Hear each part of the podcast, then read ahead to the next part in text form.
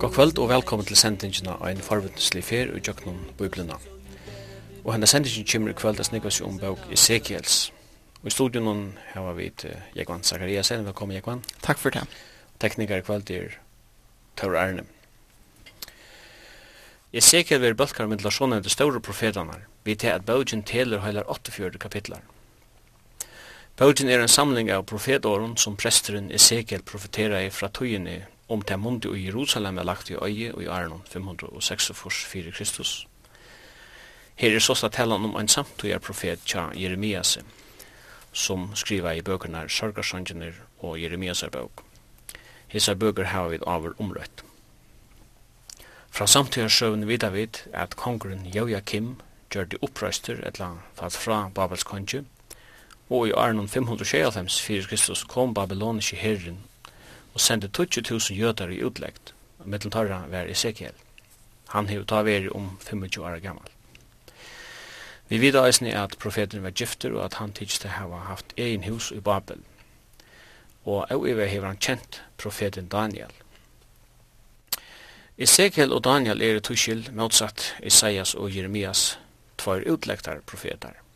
Og i Babel profeterer han om hver lakni og juta kom få, og jødane i Babel fingo a sanna at profetårene tja Ezekiel tegingu ut. Det tegis som at har fingo viring fyrir honom, og han samtala og anmynte jødane og utleggt. Etter at Jerusalem er lagt vi øye, fyrir profeteren i vil at tåse om trøst og vøvn fyrir framtøyen. Bøgjen tegist vegna sunna rujg og myndatall er vera ein møyre gata for bøg enn at nu Isaias og Jeremias. Hetta er eisini gjørst at folk mengan atra seg vi a grunda av bøk Ezekiels. Og en lykjel til bøkjena er høvesen i bøkjena, nemlig dårdgods. Menneska hefur synda og fattast gods dård eller gods høyir. Og i kapitlen 8-3 verir dård gods åpenbæra profeten i sjøvnen. Fra kapittel 4 til 24 sutja vi at dård flutjar av tog at dørd og avløytene ikkje kunne være i huset saman. Fra kapitlen 25 til 22 så gjør vi refsudømar herrans.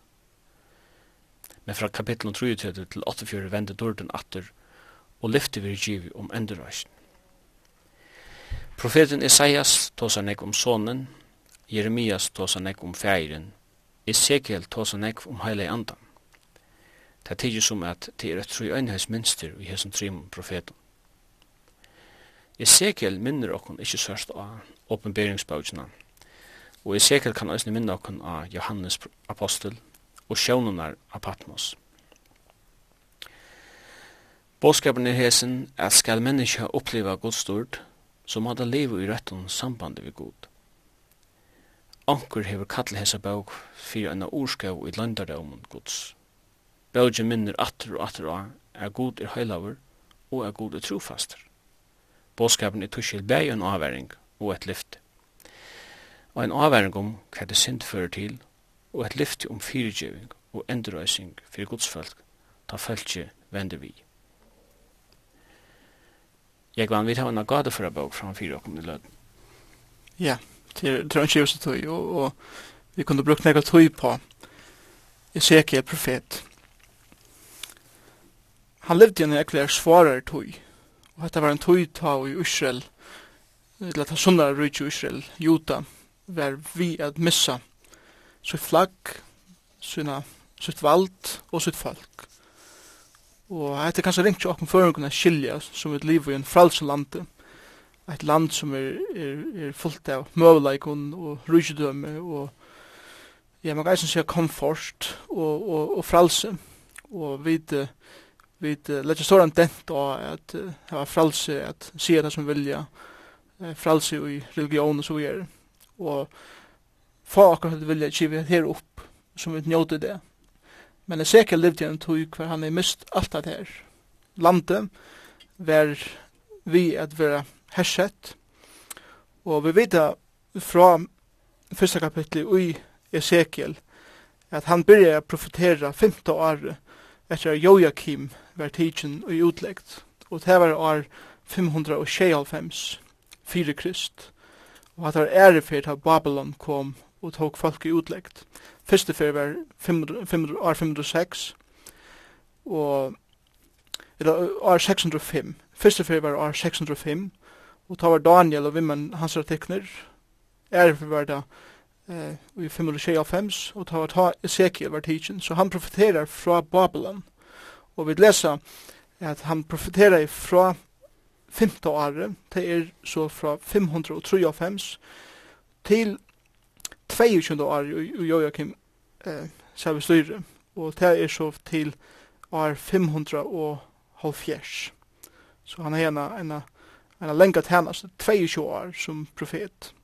Og han er samtidig profet vi Jeremias, som profeterer fra om nei 622-546 og som du sier eisne samtidig profeter vi Daniel og tar hittest nok sjoltar ikkje ikke levd av samme steg ut i babylonska rujtjenen men Ezekiel var, var kallavur av gode at tala til folk som er ferdig utlegg til, til folk som eh, hei mist alt samtidig som man tala til folk som eh, ikkje vilde venta atur til god. Det var herjarstegi, og tei god sier vi i sekel at folk fer ikkje at lusta etter tusen to hever a sia. Men uh, i sekel hekker særlig etter tui uh, religiøsa i landene, at god fyrir ein det at endur reise Israel som et religiøst rujtje og et religiøst system. Og han, fyrir, han legger særlig denta i den sørste kapitlen, da han tåser om vånene som korsen er fyrir framman, er at tempelet som fer vera lagt og lagt i øye år 506 fer ein dag er vera endurreist. Og han tåser ikkje her om det tempel som Zerubbabel for å endurreisa, men han hikker langer fram til enda tøyina, ta i Kristus for at roa hjørne, og et, og et tempel for eisne vera bygd ta i, i framtøyer Israel, som enn ikkje kommen fra okkara tøy.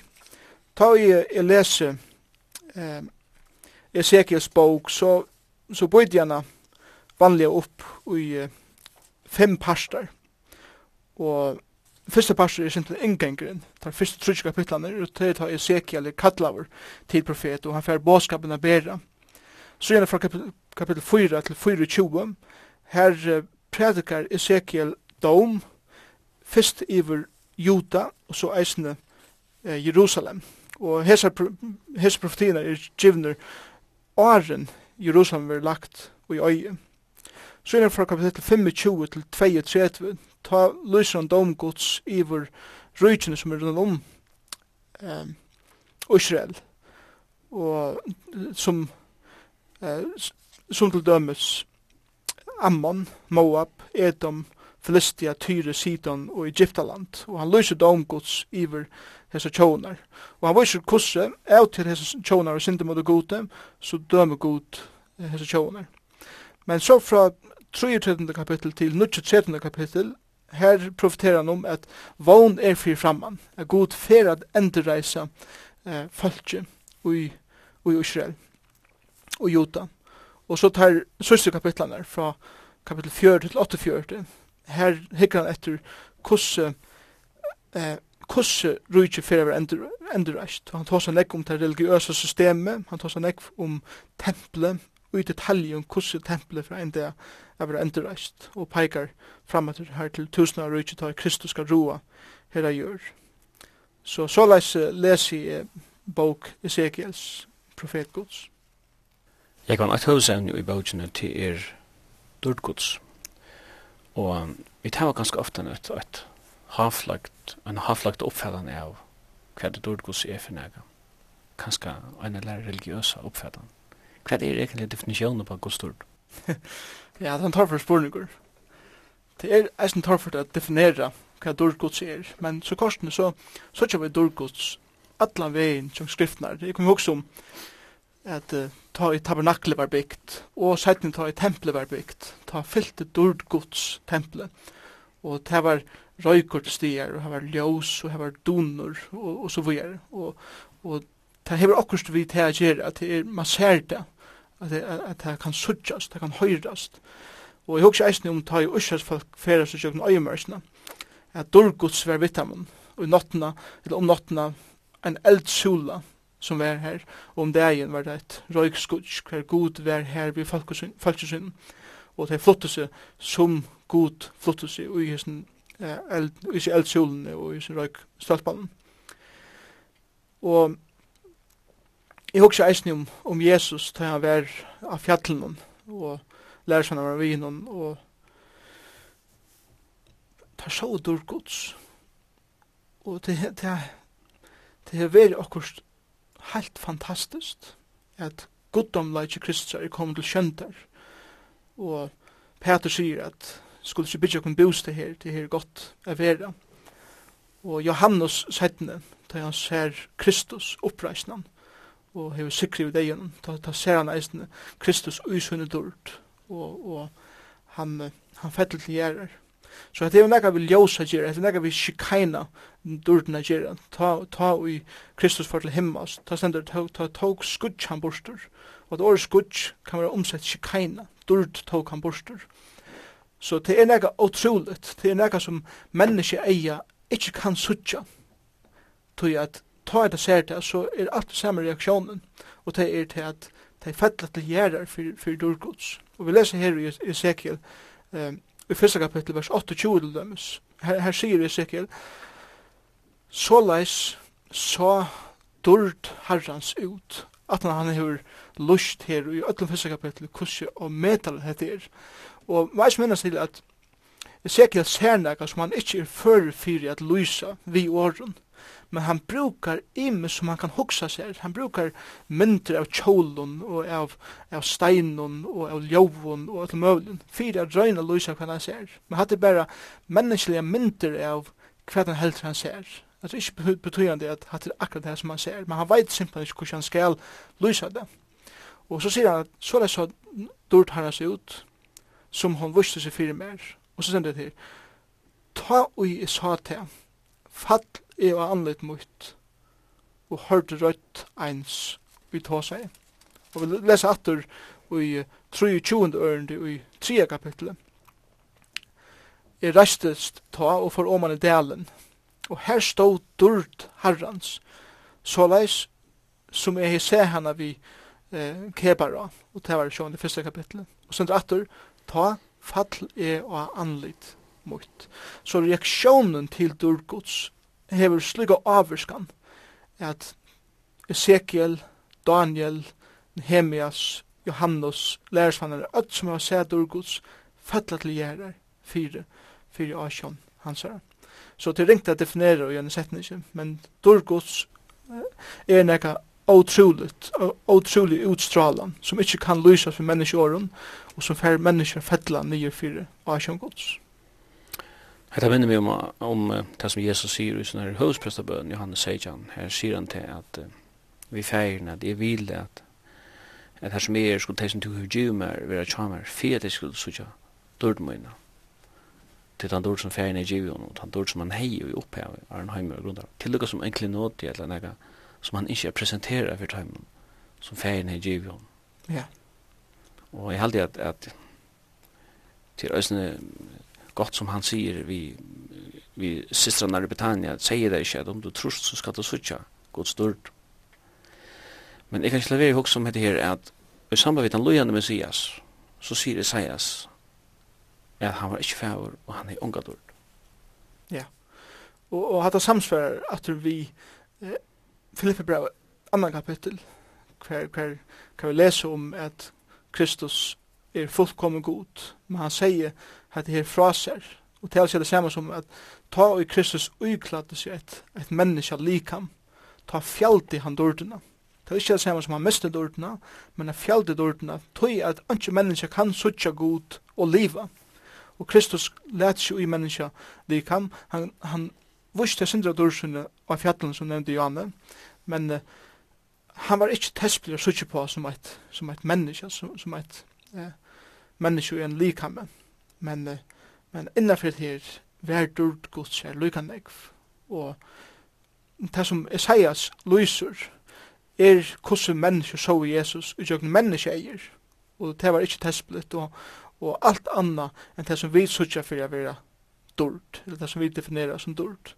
Men det er ikke det samme som at Kristus ikke hei durtina sjående hei han til men han setter han til suyes tog han kom som den lujande Messias at dodja fyrir eh, mennesker Og jeg husker her om høvus endamålet tja hver en eisog menneska, og tja hver er sankum, er at dyr med det god til okkar høvus endamål, som Paulus sier i fyrir korinbrevet, at om vi så eta eller drekka, eller kvæt vi så gjerra, gjerra til gode til dyrt.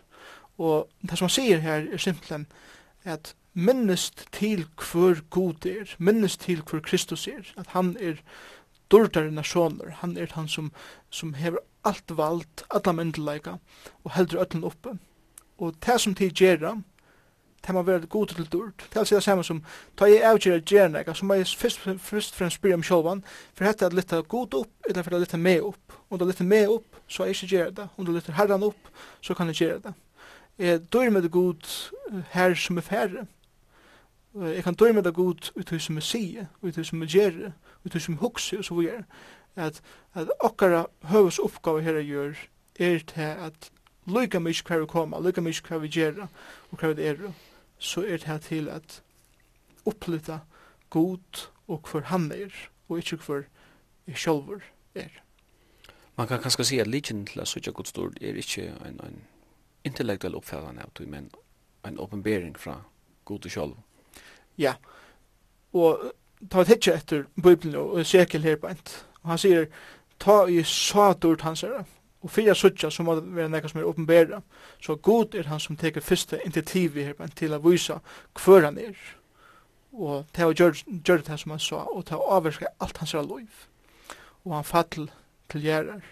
Og til å ha verst, eh, jeg suttja at ta i han fettler og anlis ut. Ta kjemmer anden hon til hjelpar, heila anden, og han reiser han opp fyrir han skal være fyrir fyrir a standa framme fyrir Asjan Guds så høyre god tala til sin. Og ta lærer meg atur at jeg fettelig til gjerrar fyrir Asjan Guds og ta einaste som djever mer myndelaika og møvelaika a kunna standa framme fyrir Asjan Guds som et syndafullt menneske som har finnst munna synd fyrir sinna er tog at heila andegods Guds bor i mer og ønsken, ønsken kan standa framme for Asjan Guds utan at heila anden er ut heimen, eller i hånden til henne, fyrir at hei enda kan standa framme for Asjan Guds. Så her kom vi hos om Rambrevet 3.23, at öll heva synda og taimun fattast dord Guds i ørnøren, öll mennesker er atskilt fra gode vegna sent, og til er som de kunne gjøre for at møta til standarden som god hever sett. Lyga mykje kvært i røyne gjerne meg sjolvun, det er fer ikke at gjerne meg føra for å standa framfor asjon gods einde. Men, så sier han, men de vera endurfødt og de vera få sindsina fyrirgivna og i Kristus vi, vi endurløsning som er i Kristus og ta i gjev mitt liv til Herre Jesus Kristus teker heile anden bostå i mer, og til heile anden som ein dag skal være før for at seda meg fram for Asjan Guds. Til han sier at hette er pantren, hette er innsiklet fire, at hette er baden Guds som, som hever finnes sin, sina fyrirgjuna, grunnt av at det er rattvus og det dør som hever finnje fra gode, og ikke som hever vunnet mer sjálf. Jeg kan sikkert litt han tri i røyne av den større profeten som vi stunden kallar der, Isaias, den første, han tar seg nek om sonen om hans er føying og om løyingar og så framveis. Og han er tog kalla for evangelisteren med profetene. Han er egentlig Messias eh, sentrerar. Jeremias tog sånn om god, om feir hjärsta og om gods hjärsta. Men eh, Ezekiel, han var stund kalla for heilig andans profeter. Tog han tog sånn om andan. Kan man sutja lukka som goddomløykan illustrerer han i hos trimo profeten? Ja, man kjører så. Og Bibelen lærer greit at Gud er ein tru einir Gud. Gud feiren, Gud soneren Jesus Kristus og Gud heilig anden. Året tru eint for ångkandi som så nevnt og i Bibelen. Men vi vita bei fra profeten og sjående i nødvendigstamentet at at Gud feiren, soneren og heilig anden standa atler av samme støy at det kommer til eh kvar god er og eisne eh at her imager ta det kjem til kvar oppgåver der hava. Men eh der er ein fullkommen einleige vi trimon personen. Og som du sier, Isaias, han er evangelisteren i gamla testamentet, og han lyser fyrir okkon til som god soner måtte fære jøknen fyrir at mennesker kunne komme inn i et samfunn vi tror enige goden, godfæren, soner, heilig andan. Jeremias, han lyser fyrir okkur hvordan og med det kærleksfullt hjärsta fægir sin ser, at han ønsker av mennesker som er færna lei, som kommer atter inn i samfunnet vi seg sjálvan. Og Ezekiel viser her at hvordan vi kunne komme inn i et eh, underfullt og fullkommet samfunnet vi god sjálvan, og det er i heile andan. Og allan vegin og jökn Ezekiel profet, her tås han om anden, og men endi jo han at anden vart han som resti Ezekiel oppaten fyrir fyrir fyrir fyrir fyrir standa framfyr fyrir Guds. Men han kjendaste kapitlen i Ezekiel er, tata, tata, hevi andan a gjerra, er 36. kapittel.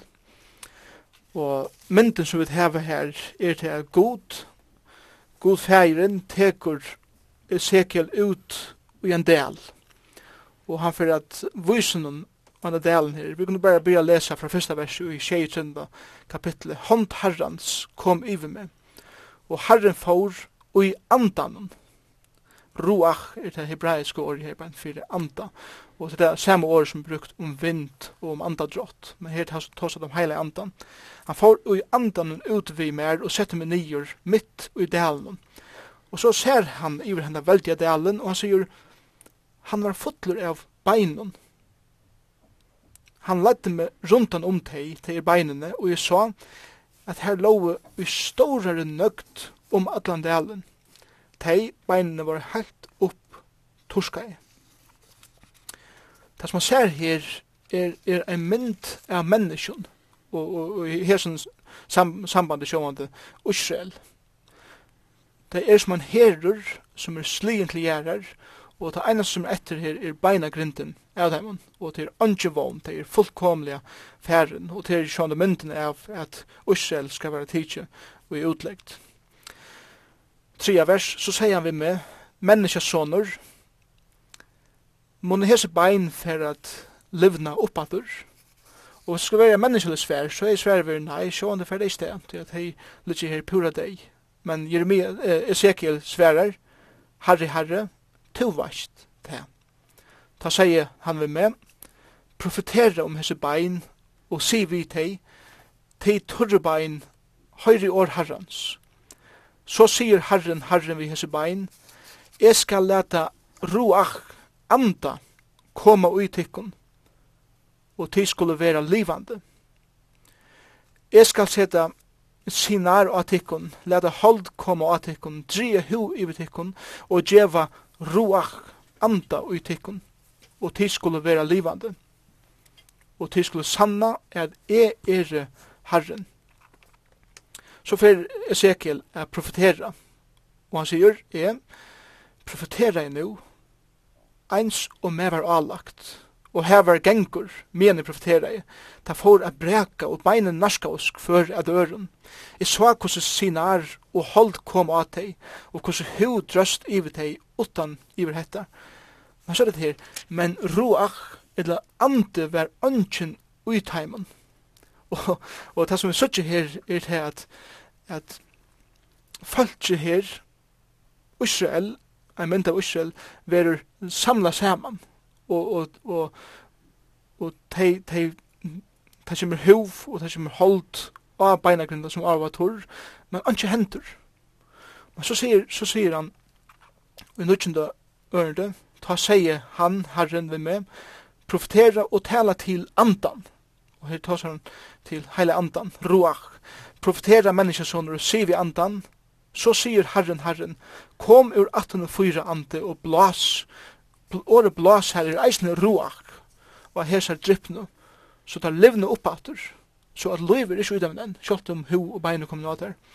Jeg profeterer jeg, eins og han hei Jimar bo om, og roak eller anten kom ut her, og tar var livande, og reiste seg føtter, over hans storer herrer.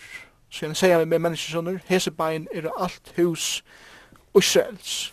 Og hans er en underfull mynd av at ønske liv, ved det fysisk liv eller andres liv, kan eksistera utan at heila andegods er han som djevor liv. Og jobb tåsa eisen til, hadde vi tåsa om til, hadde vi tåsa om jobb, at jobb sier, teker god heila andan fra meg, så døyr alt liv, menneskeliv og planteliv, alt samalt, djevst er liva. Tøy at det er god heila anden som djevor og skapar liv. Og han, han sier her at Heile anden skal være han som teker Israel ur vognløse inn i vogn, ur deia inn i loiv. Ta nettar ikkje berre a heva en fysiska endurreist, tog at ta ma eisne andalig endurreist til et verið loiv saman vi gode, og til ein einas god heile anden som kan gjera til arbeid, at, at endur fua mennesker. Så kom jeg hugsa om at Ezekiel talar til Israel her, men hetta appellerar eisen til öll mennesker. Hetta appellerar til okkon som sitter her der. Og hugsa om Nicodemus som kom til Jesus av natt. Og Jesus sier vi igjen at du måst være føtter oman for at du måst føtter av nudjon. Du måst være føtter av antanen. Og uh, Nicodemus han skiler ikke hva Jesus meiner vi, og han spyrir skal så fær astro inn i og vi mor mun var føtter, føtter ein af træt og han sier nei, to skilder ikke, du var føtter om han ifra, og du var føtter av heile anda gods, heile anden, han er som vinteren, du veist ikke hver han kommer, du veist ikke hver han fer, så er det vi eisen i andre gods, du veist ikke nær han kommer, du veist ikke hver han fer, du veist ikke hver anden er før for å men ta må være anden som ender nudjar, som ender føyer, og det er det samme vi okken det, som jeg har sagt over, vi kunne hava fysiska eh, beina grind, vi kan heva en fysisk liv, men vi er fullkomlega deg om heile anden ikkje han som gjever okkon eit nytt liv, og her hugsa om det andre liv, at det er mennesker som genga av fyrja gøten i det, som så ikke ut til å hava godt liv, men kanskje er det fullkomlig andalega deg, og det må være andre gods som enda fyrir, som gjever teimen liv, og det er enda maler ikke okkon vi sier det her, det er at sia vittekon at heile anden, om til råpa av Jesus Kristus om at fyrirgjå dine syndekare, så kjem heile anden og gjer dine før fyre at heva eit nytt liv, eit liv som er størst og fyllt av andagods, som skal gjer dine før fyre enn det at standa som mennesker framafyrir dord og framafyrir og asjon gods, öll tru enden og i heile andanen teker bose i menneskene og det er en fantastisk sannleik. Isaias, to som sonen, Jeremia som fægeren, Ezekiel om heile andan, og vi hava ergong til alla trutjar, parstana, eller personerna av gode truentene, og det som mennesker. Jeg husker at Ezekiels skjedret, man vil antan kjentast kapitlen ui allar bautsinu. Ja. Han vil gussur ofte han hauder og loftet, det var det. Ja. Og han handlar om hans deg i bøyne og i delen som han tåsar om er til uisøsfalk. Men god sår er alltid två jag kan. Ja. Är inte sånt där när man att att om man som man säger nytestamentlig tryggvande och och samkommer.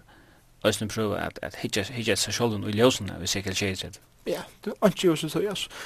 Jag hade en en vante ta det kjem til bibeltolkan kan vera til at vi er så bokstavelig i bibeltolkan jeg er det sjølver, jeg tar ikke bøyblene for å være bøkstavlige, og samtidig som jeg skiljer mynda til så gjør det, men så er det her bokstavlige sannleggene, så av mødelig så sannleggar, som eisne tala til okkon som mennesker i det, og til det akkurat det som, som jeg sier, at til hele anden, som gjør lov til Israel, som eisne gjør lov til først et menneske som lever i det, og hessen kapitlen sjølvande appellerer han til okkon. Og jeg husker eisen om da det sender her håndherren som kom i meg, og han forvimmer og jantan ut, og han setter meg nyer i delen, og han gamar på om at hela, sier uh, Ezekiel her. Og til det samme som eh, heile anden og god gjør i det, at vi det har finnet en båskap av bæra, som menn og kvinner som bæra gå tøyender, og til herren som teger okken, og han fører okken ut, Og til Herren som kallar okkur til a færa ut av kunngjør evangeliet, somleis som han kallar og førte Ezekiel ut her. Og ta i Herren før okkur, da er det ikke som kan stekka okkur. Det byrja vi den deg i bøynen, det ser ikke helt spennende ut. Nei. Så kommer sinner og halvtimer og men stadvekker er ikke lov. Men det er ikke for en anden kom inn at, uh, at uh, likam er først for å røyse seg opp. Ja, og Det fyrska livet er ikkje fullkomme utan at anden kommer ui. Det er det samme til Adam var, var myndavur ur moldene. Det var ikkje fyrir en god blåst, blåst i andan, livs andan inni uh, nøs hans eller næsar hans at han fikk liv.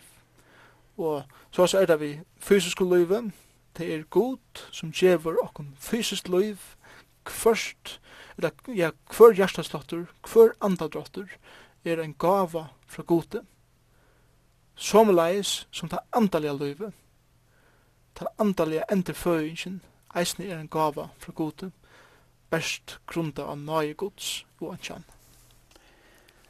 Jeg kan en annan kapittel som er rettelig kjendur i CGLT, han som er bønt fra måndag, kapitel 36. Ja. Nå er det så at vi vet at jødene var i utleggt og i Kjøptaland. Ja ölder framan undan att Ezekiel eh, var född och om hetta Monti han skriver att er ta era era stater i Babel. Alltså ta er då utläggt i en bestämt land. Här profeterar han om en om en länka utläggtar tog för jödarna och inte i en land men hemsomfätande spjater ut mellan alla tjöver och i ett längt tog jag skoj och så sier han nästan att så sier herren jag ska samla dig om hemma från tjöven mm.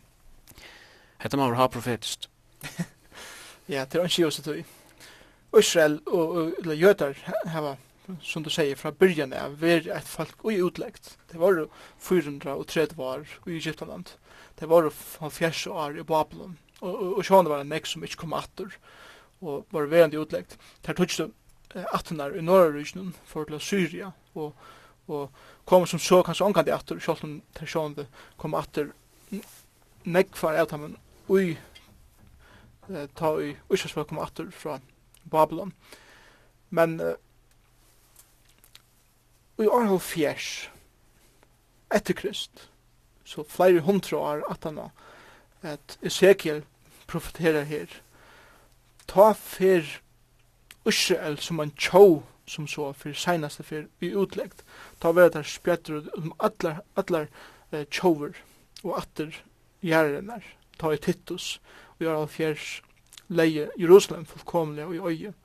Og Jerusalem var omgående endurreist som så etter det.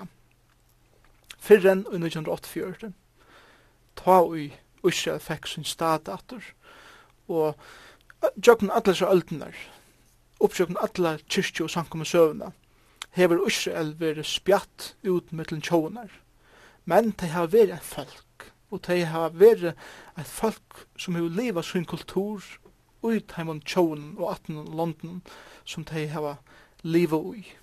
Og han sier her ui kapitel 6, eh, vers 24, Herren sier i Ezekiel, Jeg skal få at jeg kan heima fra tjóun og sauna til kan saman ur öll London og jeg skal leta til kan koma til tikkare egna land. Nå, 18 og fjers, og oppsøknen eh öldenar, har her årene, vil kritisera jeg og meddela enn kom kritikaren, at til sutja at det hender ønske. Ikke fyrir 1984, ta for kritikarna er rista seg knøven med atur til at her hender nega, og god bryr at føra for folk heim atur, og i sutja at sjalt om det er og meddela er ofrir og Israel det, så, så streymar folk heim, og jøtar som hava veldig eh, arbeid i bæg i Russland og Amerika som har professorheite og som har veldig arbeid for heim til sitt egna land, til det vilja heim og til gjerast gadefeirar og alt anna her bare for å kunne komme heim. Og det viser og av troanna som god til å lagt oss i folk men det er ikke bare det som god snakkar om her. Han tar seg eisen mann rensan som skal færa fram av sinne folk. han sier 25 dørde og jeg skal sette rent vatten av tikkun så det vera rein fra allir orensa tykkara og fra allir eugun tykkara skal jeg rensa tykkun. Jeg skal gjeva tykkun nytt hjärsta, nutjan anda, og her tås om, om heile anda, men ikkje om allir avgudna som de har haft, skal jeg gjeva tykkun og i brøste. Jeg skal teka bors steinhjärsta og lykam tykkara og gjeva tykkun kjødhjärsta. Anda moin skal jeg gjeva tykkun i brøste, og jeg skal gjøre at jeg genge etter bogen og halda loven og gjøre etter teimen. Handan endurreisen her er den andalige endurreisen. 24. ørende er den fysiske endurreisen av Israel, at de skal få sitt land datter, de skal fære heim, men enn er Israel og jøter ikke andalige endurreist. Sjåan det er det jøter som trykker han Jesus Kristus det, og tar Jesus limer og passer av sankomo Kristus er. Men han talar her om ein dag, ta jo Israel skal få egen oppfyre at han som vid krossfestu, det er vært han lova i Messias, og jødene skulle venda seg atur til Herran, og, og samna at Kristus vært han lova i Messias. Det var angående fyrvir som det jøder som kom til personlig at trykva Jesus som idé. Så det er noe som tog på at her er noe vi hentet. Ja, at sjø så tykker at ta det hitjer til tøyer hitjen og så videre. Så er det så medlem meg ta det hitjer om okken som tøyer og på at vi er kommet til sørste dier. Tøyen er ikke kommet til herre for å komme atter først og fremst etter samkommende som er samansett av tryggvande gjøten og tryggvande heitningen og tøyen er ikke kommet til at Kristus skal gjøre fullkomna enda av ødelen ønskap, fullkomna enda av ødelen som har vendt seg mot hånden fullkomna enda av satan og ødlams fylgje sånn etter, og han skal grunda rattvise og ratt hva hese gjør. Hvis man fyrstidler seg at føringar etla anker ånder, eh, anker etniske balker hever spjadder mittel fakkasløyni i tusen år etla morgen til, så ikkje ringt å imynda seg hva det er hent. Ja, og, og, og det er sjående flere for hent. Jeg merker av forskere folkene som var veldigere eh, nasjoner, Vi har også en bysantin rydde til dømes. Det eksisterer ikke det. Og, og folk var spjatt, og det gavst at det eksisterer som et nasjonalt folk. Det ble blanda inn i ja, andre folkaslag? Det blir blandat i ære kulturer, ære mentaner og andre folk. Så har Jølanda lukka å klara å sin identitet? Ja, og jeg tykker at det er ikke tog at de er uh, negosjelle folk, men det tog at god hever en atlan vi jødnen, vi ursas folket, tog er det de enn hava sin ja, sin verlige identitet enn det. Det er ganske en paralleller mellom kapittel 36 og kapittel 23. Altså, om det er de bøyene i delen som, som kommer sammen, og holdt og siner kommer til og, men det er ikke mye lov i det. Jeg mener kapittel 36 som tåser om at Israel skal vende hjemme. Du nevnte jo om det andalige Israel som stadig kanskje er for framme. Ja, ja altså kapitel 36 lyser sjående at Gud skal gjøre dem andan, han skal gjøre dem kjøthjersta og skifte om i steinhjersta og alt det. Og kapitel 6 er det lyser meir ut i æser, hvordan det er fer at henta, og en er mynd. Og Messias er han som skal få godløse borster fra Jakob som det stender under kjødhjärsta testament. Ja, og det er vært han dagen, ta han kjever nyer, av hjørna grunta seg rujtje, her er gjør, i tusen år.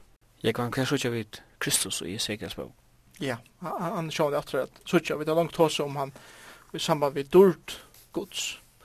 At han dorden som Ezekiel ser her, og han fatteliggjærer, er den samme dorden som Paulus apostel sa, av ved til Damaskus, og apostel sa Nudje, og Jesus sier, Saul, Saul, hvor søker du at mer, og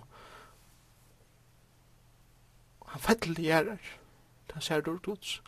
Johannes i oppenberingen i eit, da han ser dårlig Kristus er opprystnan, sikrande av det gjennom, fettelgjerrar, fyrir jeg som Guds. Og her i Ezekiel sutja vi det som dårlig Guds, som er det samme dårlig som Kristus, eisne hever. Og i 16. kapittel vers 3, tåsar Ezekiel om at, at Gud skal endurreisa sottmalan vi folksutt. Og her, her hugsa jeg eisne om ta nudja sattmala som Kristus hefur vunni okkun i blåu synen. en nudja sattmala som, som han vann ta han tar på Golgata kross og reis upp for en deg. Og i kapitel 4 vers 23 her, her leser vi om hiram, av sinne fylgje. Og her at det fyrir hugsa om om Jesus som da gode hiram, som djevel løvsut fyrir seien, og Johannes Tudje vi lesa, vi låsa eisen i 36 kapitlet, at han skal rensa falsk, han skal gjøre dem nytt hjärsta, kjøt hjärsta, han skal gjøre dem andan. Og her hugsi om Jesus, da han tås her vi lærer sånne sønner kvöld i åren han får eh, ut av krossen, at han sier at, at annart halsmæver skal komme, som er, og det er heila anden sjolver, og, og vi leser eisen om i 6. kapitel at han skal endreisa folk sutt, og det er Kristus som skal enda endreisa sutt folk, det han kjemur som han lovende Messias, at endreisa rujtje, roe her. Så, så vi suttja Kristus atlan vi i tjøknun, Ezekiels bok, og kanskje særlig som han som skal enda endreisa sutt folk. Hvis vi tenker at det siste kapitlet i Ezekiel, her også om fra fjörde til åttefjørde, Så tås han om det nødja tempelet, det kommande templet i eh, Messias ryggen og i dørdene. Ja. Og ja, det er kanskje sitte gade først affær holdt vi og bibli granskar er ikke alltid helt samt om at det er. Det er som som mener at det her talan om, om uh, nega mynda litt, av det Kristus sjálfur er jo større enn tempelet. Hvor skal man så hava tempelet at det er Kristus vi er her? Ja. Men uh, til andre som sier, jo men tempelet kan jo Samsons vera et symbol i tusenarøysen og og en mistaur fyrir godstyrkan og tar tilstola sjåna mine vi hesson er at det er rettelig nekka detaljer ut de sørste åttakabitene, eller logikabitene i Ezekiel. Jeg vet ikke hva du sier til det. Ja, det er ikke jo så at uh, Bibelen er og og imenske mal om, om, om hvordan man skal tolka særlig hese kapitlene. Det er senast jo i Ezekiels bok. Men samtidig som det er nekv, nekv ånder skrifter og kapitlar og bøker i Bibelen, som nu Daniels bok og æra bøker, hvordan skulle det tolkast? Og som du sier, til tver imskar avskåner. Ein tolkan er til at Bibelen er veldig at, at utledja hese her profetiske talene som er så medelig innvikla og som er så medelig eh, litruik og myndaruik og så videre. Og det sier at dette må eh, tolkast symbolst. Og tar vi ta som tempelet her, i Ezekiel, eh, fra kapitel 4 til 48, så, så er det her som sier at dette må være symbolst, tog at vi leser til dem i Hebreabran 8, vers 8 til 12, at ta i Kristus kom, så oppfyllte han lovene, og han, han kørte bort vi til gammeltesmentlige eh, prestalige systemen og så videre, og, og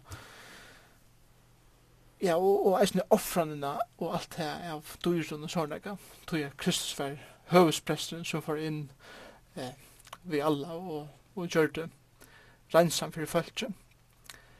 Tar som uh, tolkar det symbol sier eisne at oppenberingen skriver eller eller lyser fyrir okkur i 1. kapitlet et himmels Jerusalem som skal komme ned i hjørna og i stenen er anki tempel og tøyma er sekel eisne vera symbols på sankommena. Det tredje som det sier er til at Ezekiel lyser at hetningar hava onka ergongt inn i hetta templet som man talar om. Og det er motsier det som Nudjavismen sier, tar vi lesa til dem i Galatbraun 3.8 og Efsbraun 2, at nu hava eh, hetningar og jötar som er ergongt til god eh, saman. Og grunda eisne fyrir fjóra og Galaterbrev 6 og Hebrev 8 som, som nevnte Johanne, så verur sankoman søkt a vera til andalega Israel. Og tog sier der så må det være en andalig mynd av eh, öllum tog gamla testamentliga eh, bægi prestalisystemen og eh, offringen og eisen den profetiske boken og så videre. Samtidig så sier jeg i Bibelen, ja, men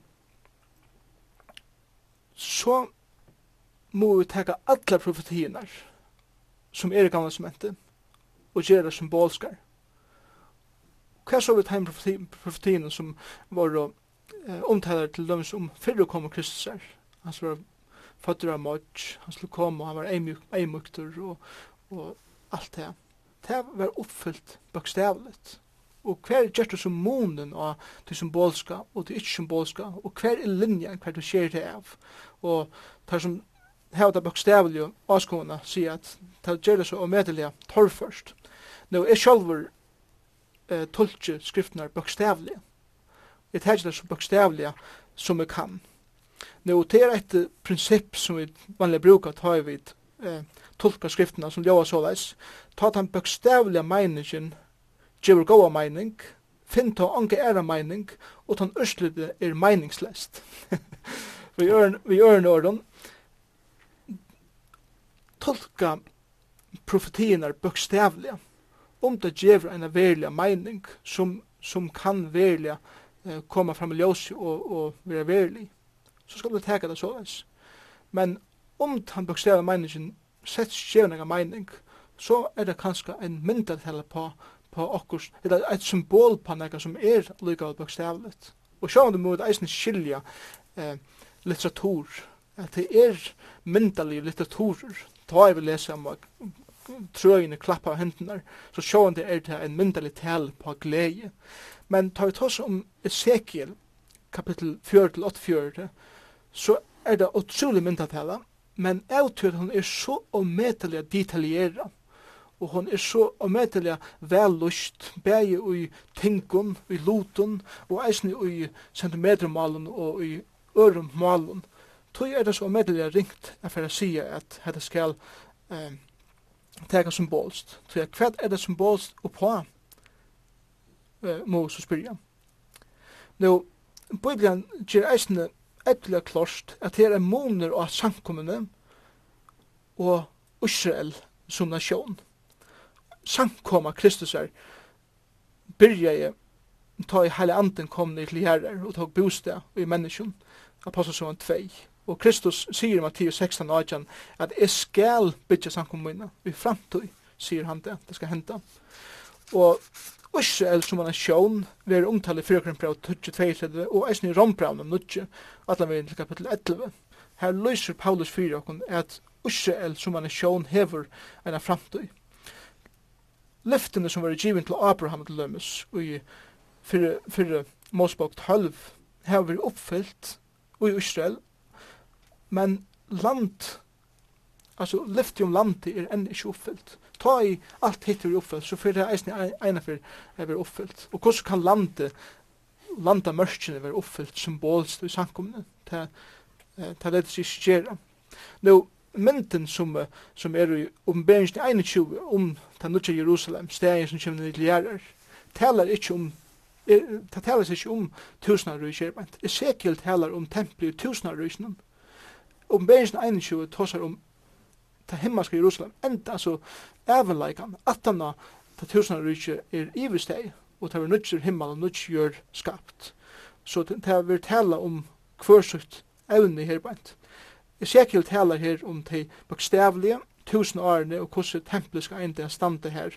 Og han løser det og maler det opp akkurat hvordan han kommer at sutja ut. Nå, så er det sin spurningen her, eh, hesten her, ja men altså, skal så det gamle testamentlige eh, systemet være endurreist, at lamp og kreatur være atter offra i, altså, er det så anna vever til god atter? Og Sverige er nei, eh, offringen her bant, og i tempelen, og i til kommande eh, Jerusalem som skal være endurreist. Det hever onka som helst frelsande avvurskan. Kristus gjør det enda til tog, og han er han som frelser. Men hette er et for jøtunar symbol og på å minnast hva det er som Kristus gjørst fyrt her, og det minnast er vi at innfør systemet inn i tempelet atter. Vi gjør det samme det. Vi tek av breinen, vi drekker av vinnun, det hever onka som helst avvurskan av okon frelsene vi kjent. Vi er frelst i Kristus i ånken Men vi minnast det som Kristus vi gjørst vi er tega av vinnon, vi er tega av breinen. Så oss fra jødene eisen fremtiden minnast hva Kristus gjør det for teir, vi er innføra det eh, systemet atter vi er uppoffra kreatur og så vi er ut til kommande Jerusalem. Så det som jeg har sier til dere er, let kunne teka til profetierne i gamle som så bokstavlige som vi kunne, og skilja i middelen at god til atlan vi Israel, god til atlan vi samkommende, men det er öll saman Guds folk.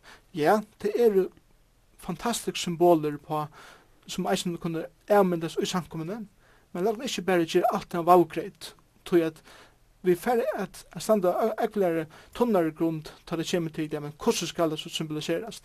Hver symboliserar vi? Hver skal ikkje være bokstavligt, hver skal være bokstavligt, så vi er.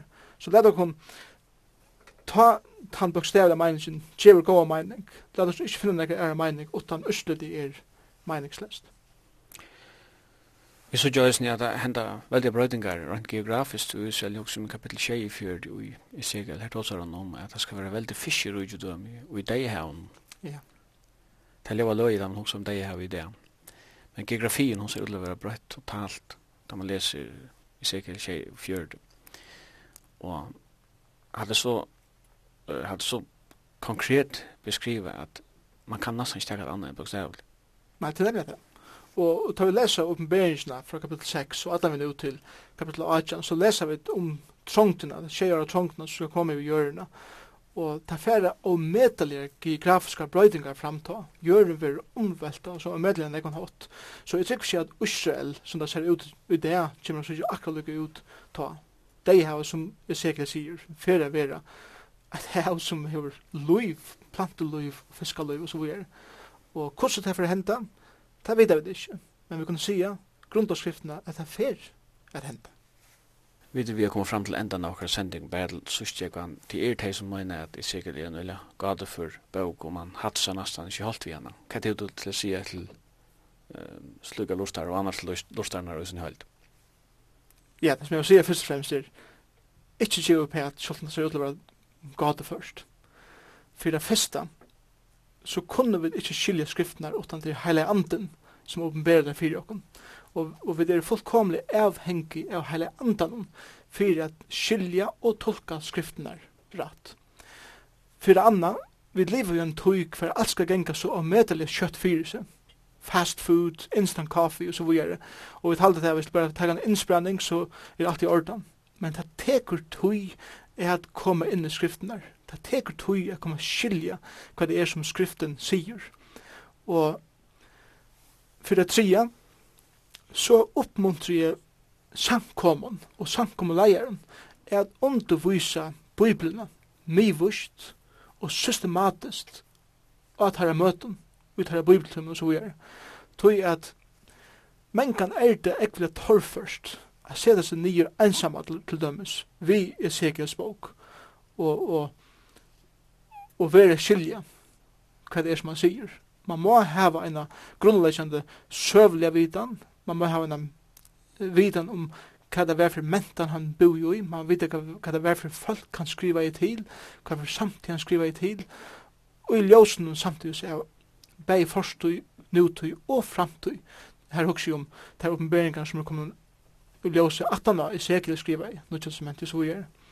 Så mest ikke måte, og til tog vi til hava kon annan næst. Jeg hjelper kon røren. Det kristne liv er ikke solo liv. Det samme at det kommer til, til at granske skriften der.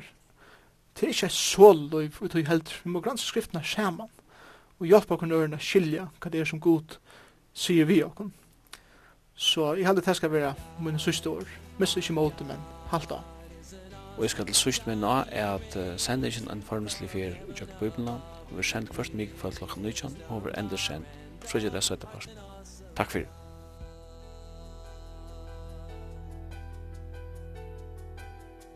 And when the sky was starless in the void of the night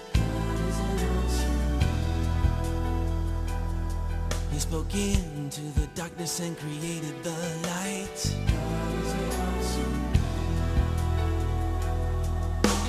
Judgment and wrath poured out on Sodom Mercy and grace he gave us at the cross. I hope that we have not too quickly forgotten That our God is an awesome God.